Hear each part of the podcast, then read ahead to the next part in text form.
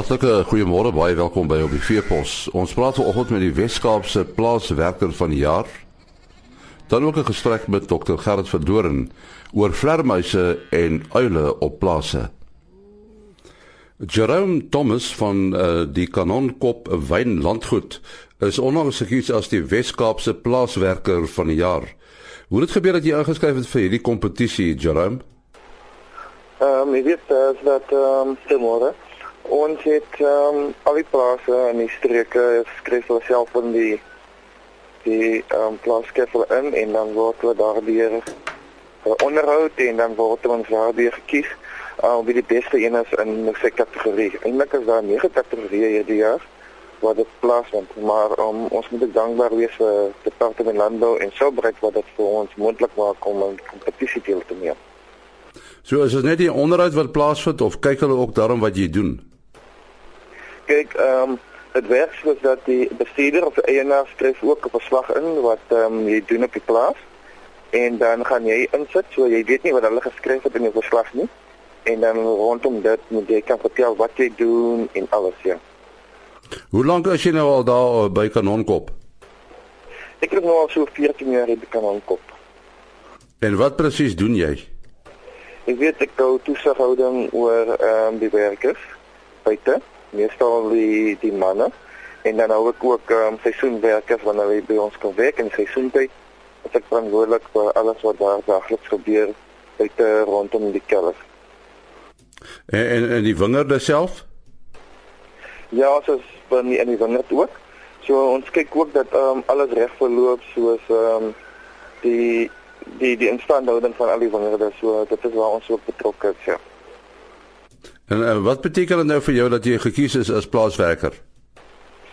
Ek weet dit is 'n goeie gevoel en dit is lekker om te weet dat die uh, ambassadeurs van die landbou ehm um, sektor so dat dit dit is 'n groot uh, eer en dit is lekker om te weet dat jy kry erkenning vir dit wat jy doen in die landbousektor en daar is hoop hoop in die landbousektor wat ons regtig kan uitleef en dit is waar ons as mense regtig uh, so so ehm um, ons ons, ons voel regtig eer om op 'n plaas ek te wees om te weet dat ons kan iets doen vir ons land self. Uh wanneer jy in die landbou begin belangstel? Jy weet ek is maar van klein tyd ek maar gebore op die op uh, in die landbou so op 'n plaas so ja my hart is maar nog altyd op die plaas so dit is kom ek maar altyd ehm um, belangstel in want die een rede daarvoor ook in 2002 my hart vir Here gee ek net besef dat dit is waar alles begin het en dit is in God se natuur en dit is lekker om om deel te wees daarvan en dit daar kan ek myself uitleef en alles dit. En en die plaas waar jy groot geword het, is dit in die omgewing? Dis om in die omgewing, ja. dis net so 2 km van Kanonkop af, ja, dis korrek. En hoe het jy by Kanonkop beland? Ehm, um, ek weet dat ek het uh, altyd gesê ek wil uh, my meisie of my vrou wat ek die dag wil hê van 'n plaas wees en en dit ek vir haar ontmoet en dit is waar alles begin het. So was sy by Kanonkop? Ja, sy is gebore op Kanonkop en sy um, bly nog steeds op Kanonkop. En jou planne vorentoe, het jy enige interessante planne? Ja, ehm um, my droom is altyd gewees om een van die kompetisies te wen en dan is my droom steeds om 'n die grond te besit en dit self te beweeg en dan ook um, terug te ploeg in die um, landbousektor en in die gemeenskappe. En hierdie lappie grond wat jy self wil bewerk, gaan dit maar maar uh, wyne drywe wees of uh, wat wil jy doen? Ja, dit sal ehm um, definitief 'n bietjie drywe wees en dan dink ek ook om food security en um, soos ehm um, groente en en so te kan boer. Ja. Het jy nou van die ander plaaswerkers wat ingeskryf het ook ontmoet? Ja, dit is al baie geontmoet so ehm um, ek lekker met hulle te gesels ook en veral met die kompetisie waar ons uitdaging gehad het op Krommerie self was dit vir my nogal lekker geweest om met die ander te kan kategorieë ook te kan praat van die ander spreuke met die ander wenners. Ja. Dit was baie lekker geweest. En wat het op die uitdinge gebeur? Uh, is dit ook maar weer 'n uh, uh, onderhoud of hoe?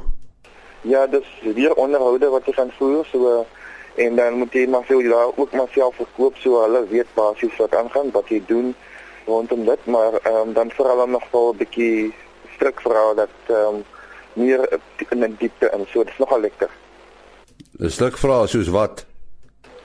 Ek maar 'n vraag vir jou soos ehm um, oor finansiële sake, ehm um, hoe begrotings opstel, wat beteken dit en wat doen die gemeenskappe in na ure en wat doen selfs die werksplek en as jy eendag nou die ehm um, die wenner sal wees wat sal die wat sal jy mee doen en ja dis dit is nogal 'n bietjie vra wat jy nog moet toer dink en as jy minister die dag moet wees vir landbou ehm um, wat sal jy kan doen as jy dit die dag moet wees Nou Jerome, uh, jy as nou die Weskaapse plaaswerker van die jaar, is daar nou uh dinge wat jy moet doen in die hoedanigheid as plaaswerker uh, wat spesiaal is?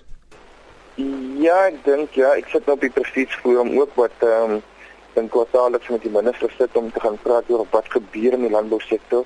So hulle loop ook ehm um, uh op daardie op hoogte kan wees wat in die landbou aangaan. So ons gee terugvoering wat gebeur rondom in die landbousektor en dan ook is ek verantwoordelik natuurlik om myself uit te leef en net die ander um, plaaswerkers aan te spoor om net um, positief te wees en te weet dat daar is iets vir ons um, in, in ons loopbaan.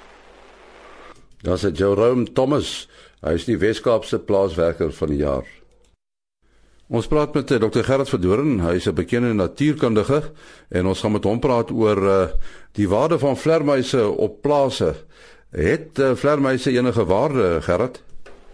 Ja, en die vlermuise het uit baie opsigte het 'n uh, het 'n baie belangrike rol te vervul vir die mens as sulk en veral in landbou. As jy dink dink aan die gewone menslike bevolking wat getuister word deur klomp ongunstige insekte soos muskiete en so aan dan neem die vlermuise baie sterk deel aan 'n beheeraksie op vir al muskiete en sulke goeters. As ek kom by landbou, dan moet ou besef dat ehm um, die vlermuise het ook 'n baie belangrike rol om ongunstige insekte te beheer namens landbougemeenskap. Nou ek sien gelukkig dat die oproepe wat van die boere afkom om van vlinders gebruik te maak raak al meer en al meer veral in die vrugtebedryf want ons sit in die Weskaap, die Suid-Kaap en baie plekke in die land waar die ons met sagte vrugte doen met 'n baie ernstige korlemot en 'n valskorlemot probleem. En selfs met die in die Laagveld en die noorde gedeelte van Limpopo is dit 'n probleem van die stinkbesies wat veral maak daarmee bome tuister. Nou gelukkig is 'n klomp van die vlinders ingestel om of motte te eet, party eet beeste te eet, um muskiete aan 'n ou eet aan torretjies en so aan. So elke spesies kan 'n bydrae maak om beheer uit te oefen. En die heel maklikste om dit te gebruik is om 'n vlermuiskaart op te sit in jou boorde of om die boorde en daar's 'n baie goeie kans dat vlermuise die kaste gaan begin betrek. En ek weet van baie plekke waar daar tot omtrent 5000 vlermuise in 'n kas sit en jy kan dink wat 'n geweldige positiewe bydrae hierdie ons gaan lewer om insekte mee te beheer. Ek verstaan so wat ek van die vlermuismense hoor in die laagveld eet daai klomp vlermuise per nag iets so 700 ton goggas op. Ek dink net jouself jy daai klomp goggas met loslaat wat 'n geweldige negatiewe impak gaan hê op die sagte vrugtebedryf en die subtropiese vrugtebedryf en die bedryf. So ons moet hulle gebruik en goeie vir onsself en uh seker maak hulle doen hulle deel vir ons in die landbou. Ja, dit is nou die vlermuise. Mense moet ook nie die uile vergeet nie, né? Ja, kyk, die uile, ek dink die die uile het hulle het hulle verder pad gevolg as die vlermuise en uh landwyd is boere al gerad om eile te gebruik op hulle plase. Daar staan letterlik duisende ouse plekke met ander woorde gewone pale in vrugteboorde, wingerde, kontantgewaslanderye en dan ook etlike duisende uilkaste wat boere opsit vir eile. En gelukkig ehm um, as die gedrag van die monniksuile van so hard dat hulle kan amper nie verby 'n kas verbyvlieg sonder te gaan kyk wat in die kas aangaan en die kas te gebruik as 'n broedplek nie. Die gevlekte is 'n bietjie meer skepties, maar as jy ouers eers aan so 'n kas hier en trek hulle in en hulle kan daar bly vir 'n periode van 20 jaar so dit help dan om die eile in te trek en vir hulle akkommodasie te gee hulle impak op byvoorbeeld die nagmeise wat veral vir graanboere probleme is is beduidend en so mate dat in baie plekke het die boere begin weg beweeg van die klassieke gebruik van plaagknagtiedoeters om om die nagmeise te beheer en eile help om daai bevolking onderdruk. So ek dink die hele konsep rondom vlemmuis en eile is besig om deel te word van geïntegreerde plaagbeheer op plase en dit help 'n boer om makliker te boer, goedkoper te boer en meer omgewingsaanpasbaar te kan boer. So as jy met nou uh, eintlik saam met vlermuise en uile boer, dan neem hulle getalle ook seker toe.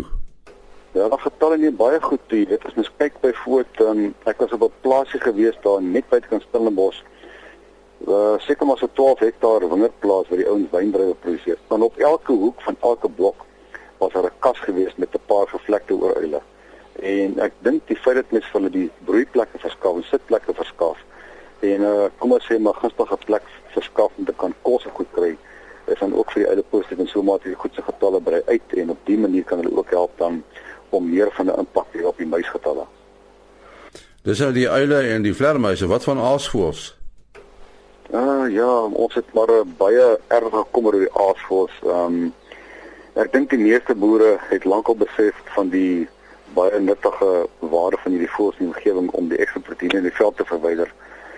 Maar van ek het hulle begin werk het so 30 jaar terug tot nou toe het die getal in Suid-Afrika seker met maklik 40 tot 50% gedaal as gevolg van die misbruik van plaagdoders en ook, ook as gevolg van die kragslyn impak op die voëls. So dit is vir ons 'n erg kommer en in so mate dat ek kry al meer oproep van boere wat sê hulle raak bekommerd oor die feit dat die voëls raak minder uh, raak bekommerd oor die feit dat individue in die gemeenskap gif misbruik en die oproep van die landbou in die algemeen is dan hou op om karkasse vol gif te steek en hou op om blokke vleis te gooi met gif in. Want al wat gebeur is die jakkals hou aan met aanteel en dit teel tempo is baie hoog en die ases wat die nok op die ouende ons kan eindig in 10 jaar 2050 met nie enkele aas oor nie. So ek dink gelukkig die boere se kop is net daai enkele ouens wat hulle mekaar moet maak om te fit oortuig om nie gif te misbruik nie want dit gaan op die ouende die aas op betaal uitwis. Gerard jou telefoonnommer? 082 08468946. Dit was Dr. Gerard Verdoren en uh, ook die einde van ons program. Môreoggend is ons terug. Tot dan, mooi loop. Ah.